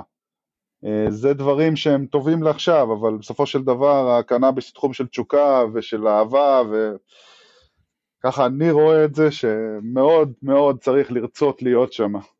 מסכימים. Uh, טוב אנחנו כבר מדברים יותר משעה ומשום מה לא עוד לא דיברנו על מוזיקה בכלל למרות שיש לך רקע די uh, עמוק במוזיקה ויש לך כמובן תשוקה למוזיקה אז יחד עם זאת אני לא אתן את כל ההקדמה של הקשר הקוסמי בין קנאביס ומוזיקה אנחנו כבר מכירים את זה. שוט מה האמנים שהשפיעו עליך הכי הרבה בחיים והפכו ובעצם הפכו אותך למי שאתה היום. וואה, שאלה שאלתית. אה, מוזיקה זה החיים שלי, מוזיקה ווויד, זה באמת שני הדברים שמניעים אותי בחיים. אני שומע כל יום מוזיקה חדשה, אה, אני דואג לשמוע מוזיקה חדשה כל הזמן, אה, יש לי תקופות, אני זז, זע ונע בין ז'אנרים. לאחרונה מה אני... הז'אנרים האהוב- האהובים אם אתה רוצה ז'אנרים אהובים מול אה, אמנים אהובים? יודע, שזה אני- אמנים שגדלת עליהם או אמנים שאתה עכשיו אה, מקשיב להם. התחלתי כמו כולם עם ביטלס, פינק פלויד, רוק, מהר מאוד נכנסתי לרוק, רוק כבד, התחלתי לנגן תופים בגיל 13, אז כל מה שעניין אותי זה דברים שכיף לתופף, מטאליקה, אה, דברים כאלה, אה, עם הזמן? לד זפלין? כמובן, Rage Against the Machine, אה, אחרי זה עברנו קצת לדברים קצת יותר כבדים, ספולטורה, כל הדברים האלה, כל ה-90's, ה-good old 90's, אה, אני רוקיסט, אני אוהב רוק, אני אוהב מטאל, אני אוהב גם היפ-הופ אבל, אה, אז נגיד ברוק אה, מאוד אה, מושפע מהיום נגיד להקה שאני מאוד מאוד מעריך זה סליפנוט, מטאליקה, קרואנגבין שאני הכרתי לארי, אה, בנסיעות, בנסיעות הבלתי נגמרות של יוטה ושל אה, שמה של נבדה, נבדה ויוטה. נכון, נכון. ואז עוד אה, הלכתי להופעה. שלהם. נכון, אני מאוד מאוד אוהב היפ-הופ גם, קנדריק למר מבחינתי הוא גאון הדור, חושב ש- שפשוט masterpiece. בעיקרון אני אה, מאוד אקלקטי במוזיקה, זה, אני, אני באמת אוהב הכל, ואני גם מנגן, אז אה, מבחינתי כל דבר שיש לו קצב, שנותן בראש, אני אוהב. משהו מישראל שמדבר אליך בימים אלו, מבחינה מוזיקלית? אה, יש להקה בשם טטרן, אם שמעת עליהם? שמעתי את השם, כן, זה, זה אינסטרומנטלי. הבחור מיוסלס איי-די יכול להיות או שזה... לא, זה לא, זה טריו, לא. טריו מדהים, אה, ישראלי, שאני מאוד מאוד אוהב. כמובן שאני אוהב אה, אומנים ישראלים כמו אה, גבע אלון, אה, תומר ישעיהו, אני מאוד בחור של אה, אינדי, פחות מיינסטרים, יותר דברים ככה בשוליים, יותר בוא נגדיר את זה ככה, גם אוהב מיינסטרים, אבל מאוד אוהב את השוליים. כמו שארי יודע, אני חופר לו הרבה על מוזיקה. כן, זה בישראל, אתה יודע, ברי, פורטי, סטנלי, אני רק מוזיקה, אני כל הזמן צריך לשמוע מוזיקה, כל הזמן, נונסטופ. אבל הכי חשוב, והדבר שהכי הכי קוסם לי במוזיקה זה מוזיקה חדשה.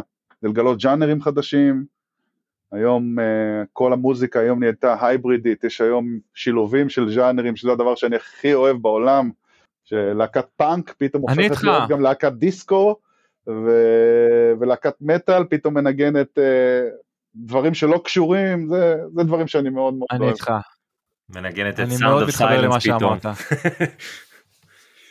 כן, כן, אני מאוד, אני מאוד מתחבר למה שאמרת ואני גם מאוד אה, אוהב את הפיצ'ר הזה אני בגדול יש לי הרבה ביקורת על ספוטיפיי ועל פלטפורמות מהסוג הזה אבל מצד שני הטכנולוגיה שמשתמשים אה, בשביל אה, לאתר ולגלות את ה- את ה-DNA המוזיקלי של כל משתמש הם כלים מדהימים ומדויקים להחריד כן מפחיד עד כמה שזה מדויק.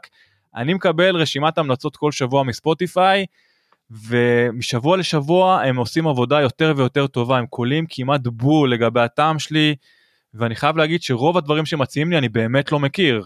עוד דברים שאני לחלוטין לא שלהם, מכיר. ה Discover Weekly שלהם הוא לא פחות מגאוני, אני פעם בשבוע מטורף. פותח אותו, מטורף. אה, נגיד הוא גילה לי להקה שהיום אני לא מפסיק לשמוע אותה, היא להקה שאני שומע הכי הרבה לאחרונה, שזה King Gizzard and the Lizard Wizard, אם שמעת עליהם. כן הם אדירים בטח כן, הם כן, אדירים כמובן. גם ראיתי ראיתי אותם אני מכיר גם את המנהלת שלהם אגב פה ב- בלוס אנג'לס. להקה אדירה אגב למי שאוהב פסיכדלים וקנאביס זה בדיוק הלהקה ל- לזה. שזה אה, להקה שמגיעה מזרם של אה, רוק פסיכדלי אוסטרלי, שהתחיל עם טיים אימפלה, נכון נכון. והתפוצץ פשוט. יש להם גם את השיר נכון. מייסיליום. מייסיליום, זה- נכון? זה זה התחום שלי כמובן. אז, אה, נכון, שיר שנקרא מייסיליום, נכון.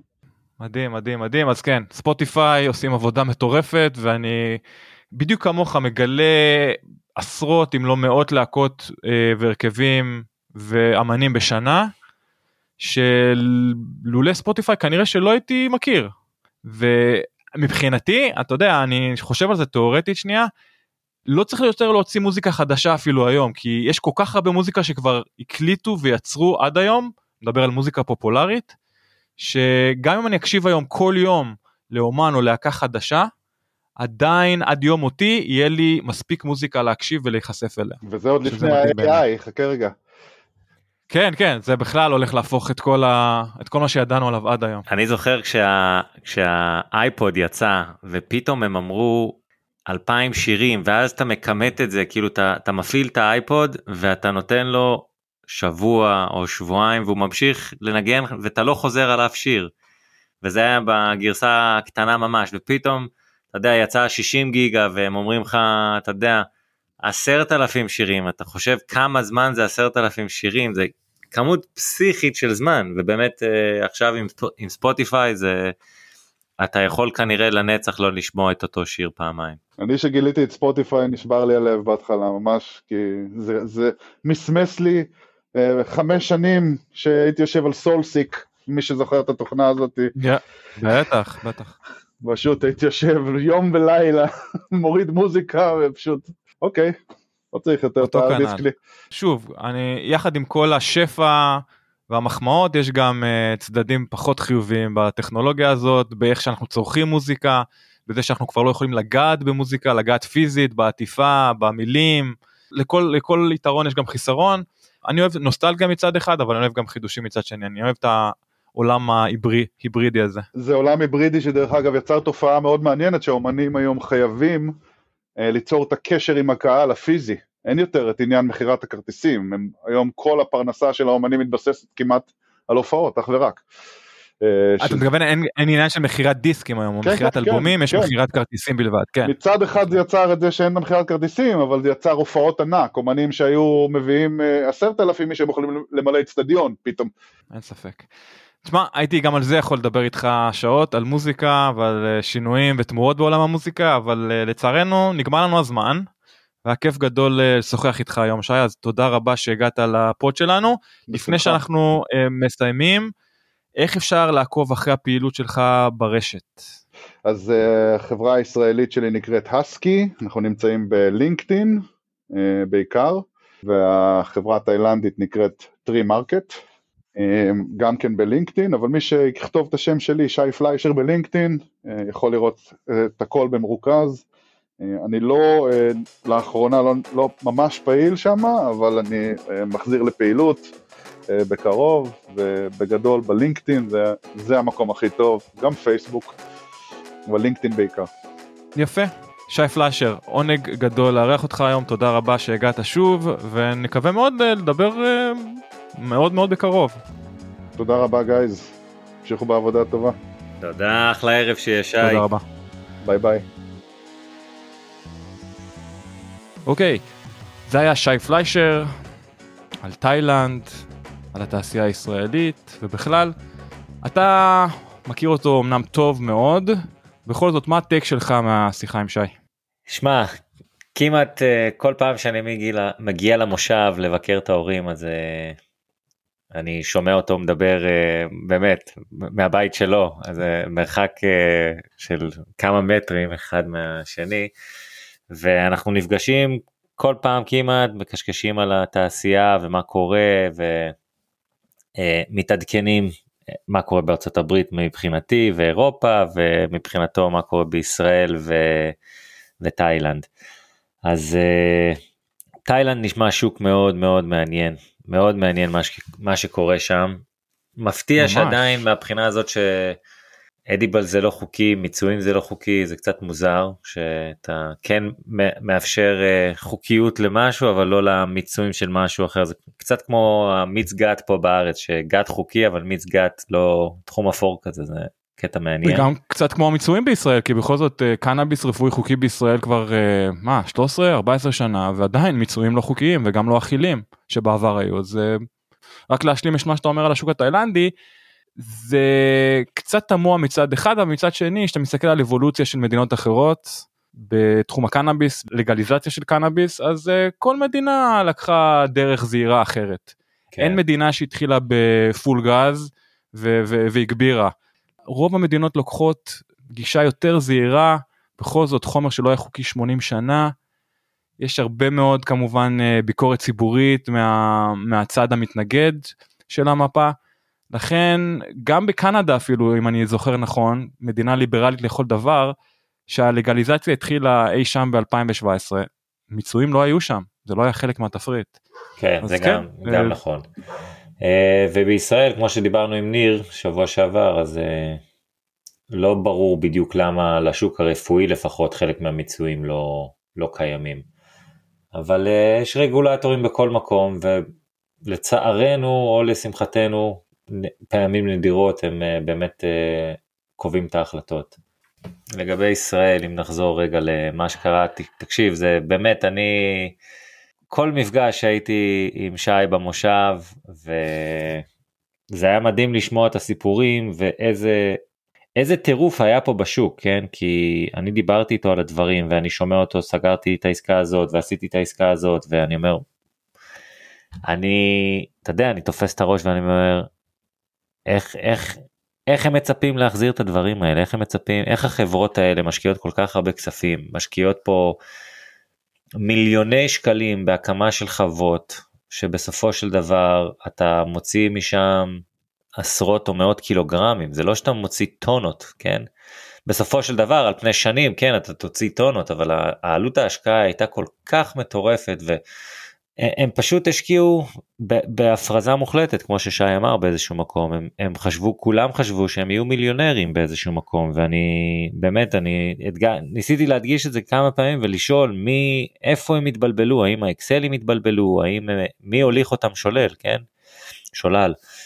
אני באמת חושב כמו ששי אמר שכולם חשבו שהם הולכים להיות מולטי מולטי מיליונרים. הם בנו על זה ש... המדינה תעשה את כל מה שביכולתה כדי uh, לאשר את הייצוא ולדאוג לזה שזה יקרה ואני זוכר שהקשבתי למספר רב של אנשים, uh, יובל לנדשפט ביניהם ועוד uh, כל מיני אנשים בתעשיית הקנאביס שכל הזמן דיברו על הייצוא והייצוא ומעצמת הקנאביס הישראלית ובלה בלה בלה ובלי בלה בלו. והנה אנחנו מגיעים למצב שהמון מהחברות ששי עזר uh, להם להשיג את הציוד הדרוש, פתאום לא משתמשות בציוד, פתאום סוגרות את החוות והחלום אה, פשוט אה, הפך לחלק מהם לסיוט אולי.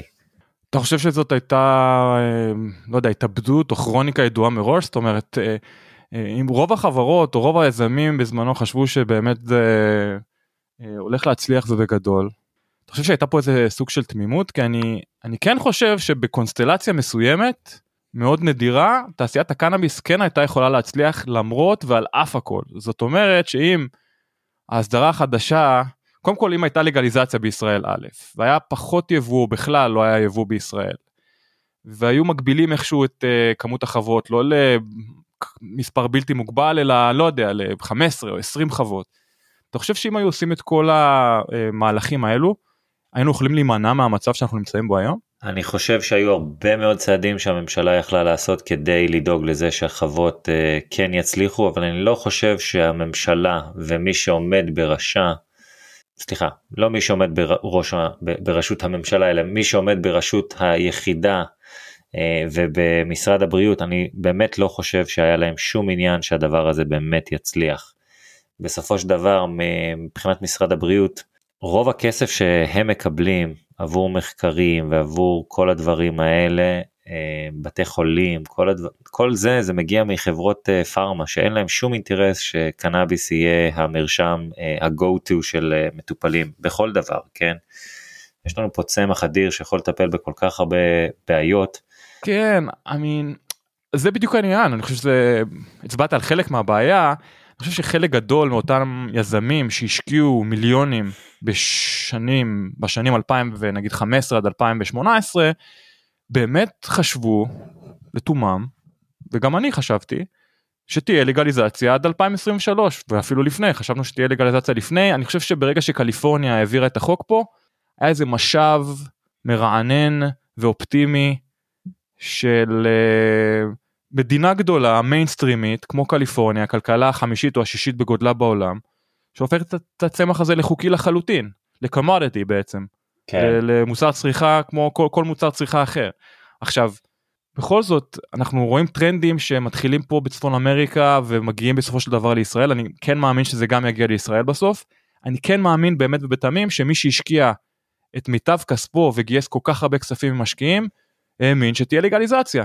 עכשיו, אני, בטוח כמובן זה לא קרה, כמובן שזה לא קרה, יחד עם זה, במקום שזה יקרה, המצב רק החמיר. זאת אומרת, גם אה, אה, נכנס יבוא מסיבי אה, ואיכותי יותר אה, לעיתים קרובות מהמוצרים המקומיים, גם פתחו את השוק למספר בלתי מוגבל של חוות. זאת אומרת, מצד אחד לא קרתה לגליזציה, מצד שני הגדילו את ההיצע, מה זה הגדילו? יש, יש היצע מטורף בשוק הקנאביס הישראלי, כמו גם בקליפורני וכמו בשווקים אחרים בעולם, ההיצע כרגע הוא באמת גדול, וכמו שדיברנו בפרקים הקודמים, אנחנו לא רואים את, ה, את האור בקצה המנהרה.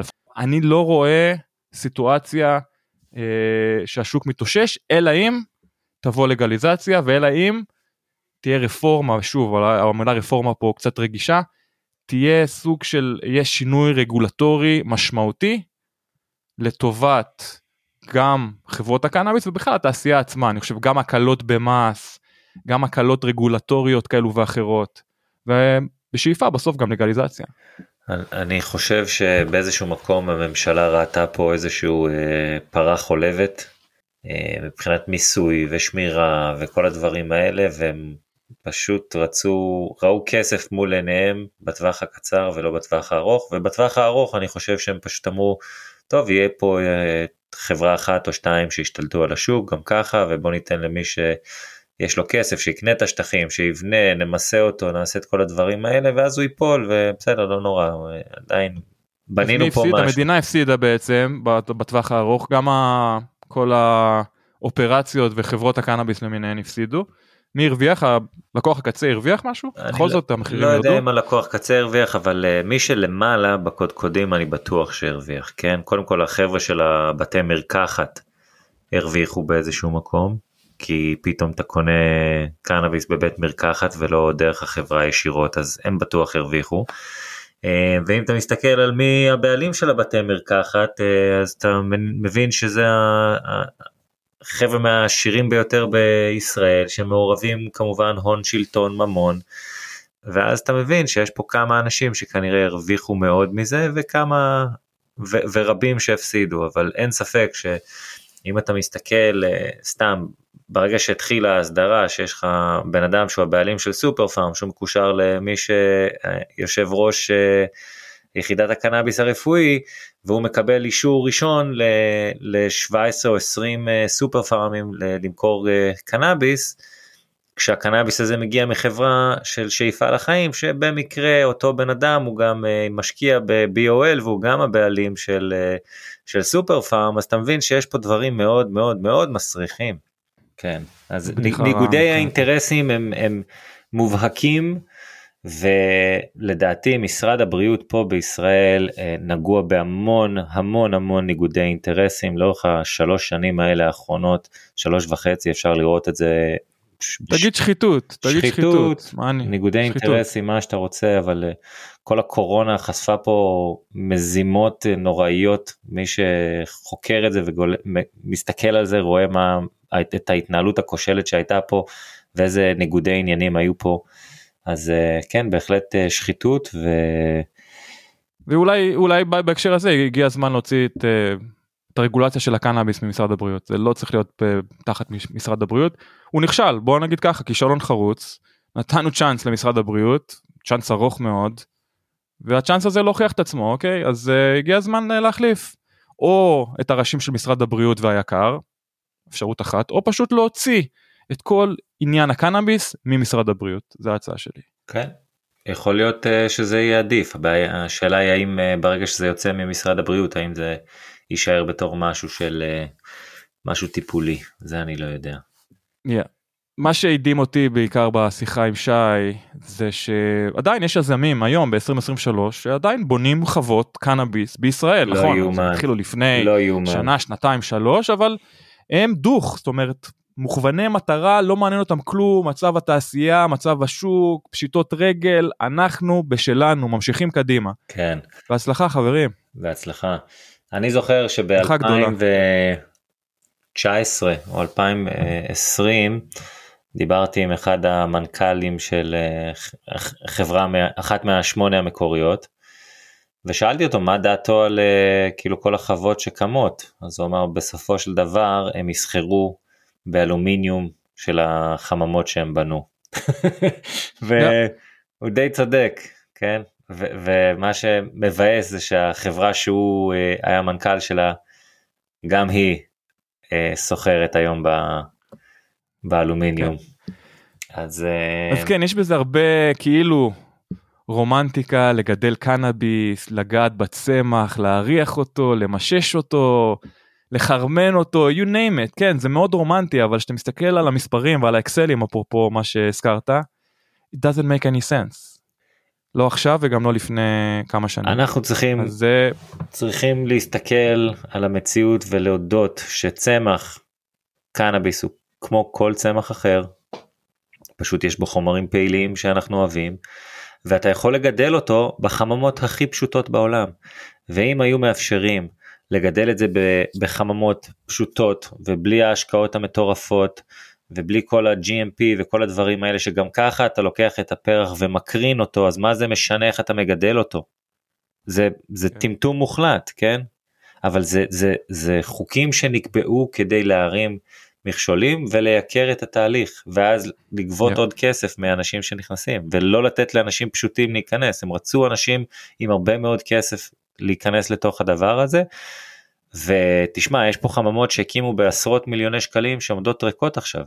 הם לא מגדלים בהם ידוע, זה מטורף ידוע. זה זה מטורף לגמרי אבל יאמר לזכות ישראל זה לא רק פה זה גם בקנדה שיש לך חברות שהיו שוות מיליארדי דולרים והיום אה, מגדלים עגבניות או פרחים אחרים בחממות שלהם כן אז אה, תופעה כלל עולמית אני חושב שבגלל שהשוק הסתמך על משהו שהוא לא בהכרח חוקי אז אנשים אה, לא ידעו להעריך כמו שצריך את, ה, את השוק את גודל השוק ודבר שני הם פשוט לא עשו עבודה מספיק טובה עם האקסלים הם הסתמכו על מספרים ולא לקחו בחשבון את זה שהמחיר ירד כי יש עוד היצע. לא, בוא, בוא, בוא, בוא נגיד את האמת הם פשוט פינטזו כן. וחלמו והמציאות התנפצה להם בפנים זה הכל. האקסלים משקרים לפעמים. או, ש, או שלא, לא, באקסל שאתה... אתה יכול לשים כל דבר, כן? אל תשכח, אל תשכח, בניגוד לתעשיות אחרות, שאתה נכנס לעסקי הקפה, או האלכוהול, או הביגוד, או לא משנה מה זה, יש לך היסטורית הרבה מאוד מידע שאתה יכול להסתכל עליו, ללמוד ממנו ולהבין את גודל השוק ואסטרטגית לגשת אליו באופן הרבה יותר חכם ומודע. בתעשייה כמו הקנאביס שהיא פרימצ'ור שהיא ממש לא בוגרת והיא רק מתעצבת אין הרבה מידע מהשנ... מהעשרות שנים האחרונות שיכול ללמד על טרנדים מסוימים על מה יכול ללכת. כמובן דיברנו על האבולוציה של הקנאביס ועל השינויים המאוד מהירים שקורים בתעשייה הזאת מבחינת טרנדים, רגולציה, אופרציה, טכנולוגיה, you name it, יש הרבה מאוד שינויים, קשה מאוד להעריך מה יקרה אפילו עוד שנתיים שלוש, קל וחומר עוד חמש או עשר שנים.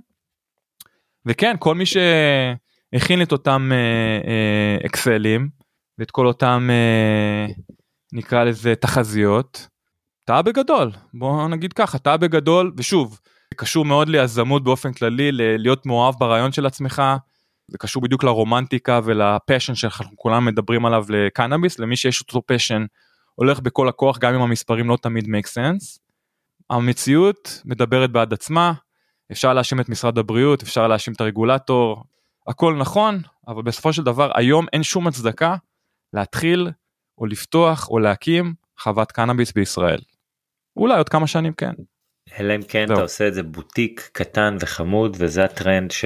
שקורה כן, בעולם. שיהיה, ש... ש... נכון, שיהיה שוק לשימוש פנאי ויאשרו גידול אורגני סלאש ליבינג סויל בישראל. התחילו באצ'ים של, אה, של גידולי בוטיק איכותיים יקרים יותר. אתה יודע שגם גם להם יש מקום בכל, אה, בכל שוק. אין ספק. אמ, אבל כל מי שבנה מתקני ענק אה, ימשיך לאכול חול בשנים הקרובות כנראה. כן. בוא נסתכל אה, על האופטימיות מעבר לים, כן, ו- ועל מה שקורה בתאילנד, ונאחל אה, לשי ולכל היזמים שכן מחפשים את דרכם בתאילנד בהצלחה, ותעשו חיל. בהחלט, אגב, נותן כנראה רעיון לעוד כמה יזמים ישראלים שנכשלו בישראל, אולי לקרוץ לשווקים אחרים בעולם, כמו תאילנד, כמו אוסטרליה, כמו צפון אמריקה, כי מה שלא הלך בישראל אולי ילך במקום אחר. בדיוק. אולי. אולי. טוב חברים, פרק 148, שי פליישר, שיהיה שבוע טוב ושקט, ביי בינתיים. ביי ביי. תודה שהאזנתם לתוכנית. אם נהניתם ממנה, ומהאורחים שהבאנו לכם, נשמח אם תדרגו אותנו בחמישה כוכבים. כל דירוג או ביקורת חיובית יעזרו לנו להמשיך להביא לכם את האורחים הכי שווים בתעשיית הקנאביס. יש לכם הצעה לאורח או נושא מעניין? נשמח לקבל בקשות והצעות לגבי נושאים או אורחים שמעניינים אתכם, המאזינים שלנו. אנא כתבו אלינו ל- From Kali to Push at gmail.com From Kali to Push במילה אחת at gmail.com אנא אל תיקחו את האינפורמציה שמוגשת בתוכנית כעצות רפואיות או עסקיות. צרו קשר עם הרופא שלכם או כל גוף רפואי מורשה אם אתם מעוניינים לצרוך קנאביס לשימוש רפואי. התוכנית נעשית מתוך אהבה ותשוקה לצמח הקנאביס, אך אינה מעודדת קנייה לא חוקית של מוצריו. תודה על ההאזנה, נשתמע בקרוב. צ'או.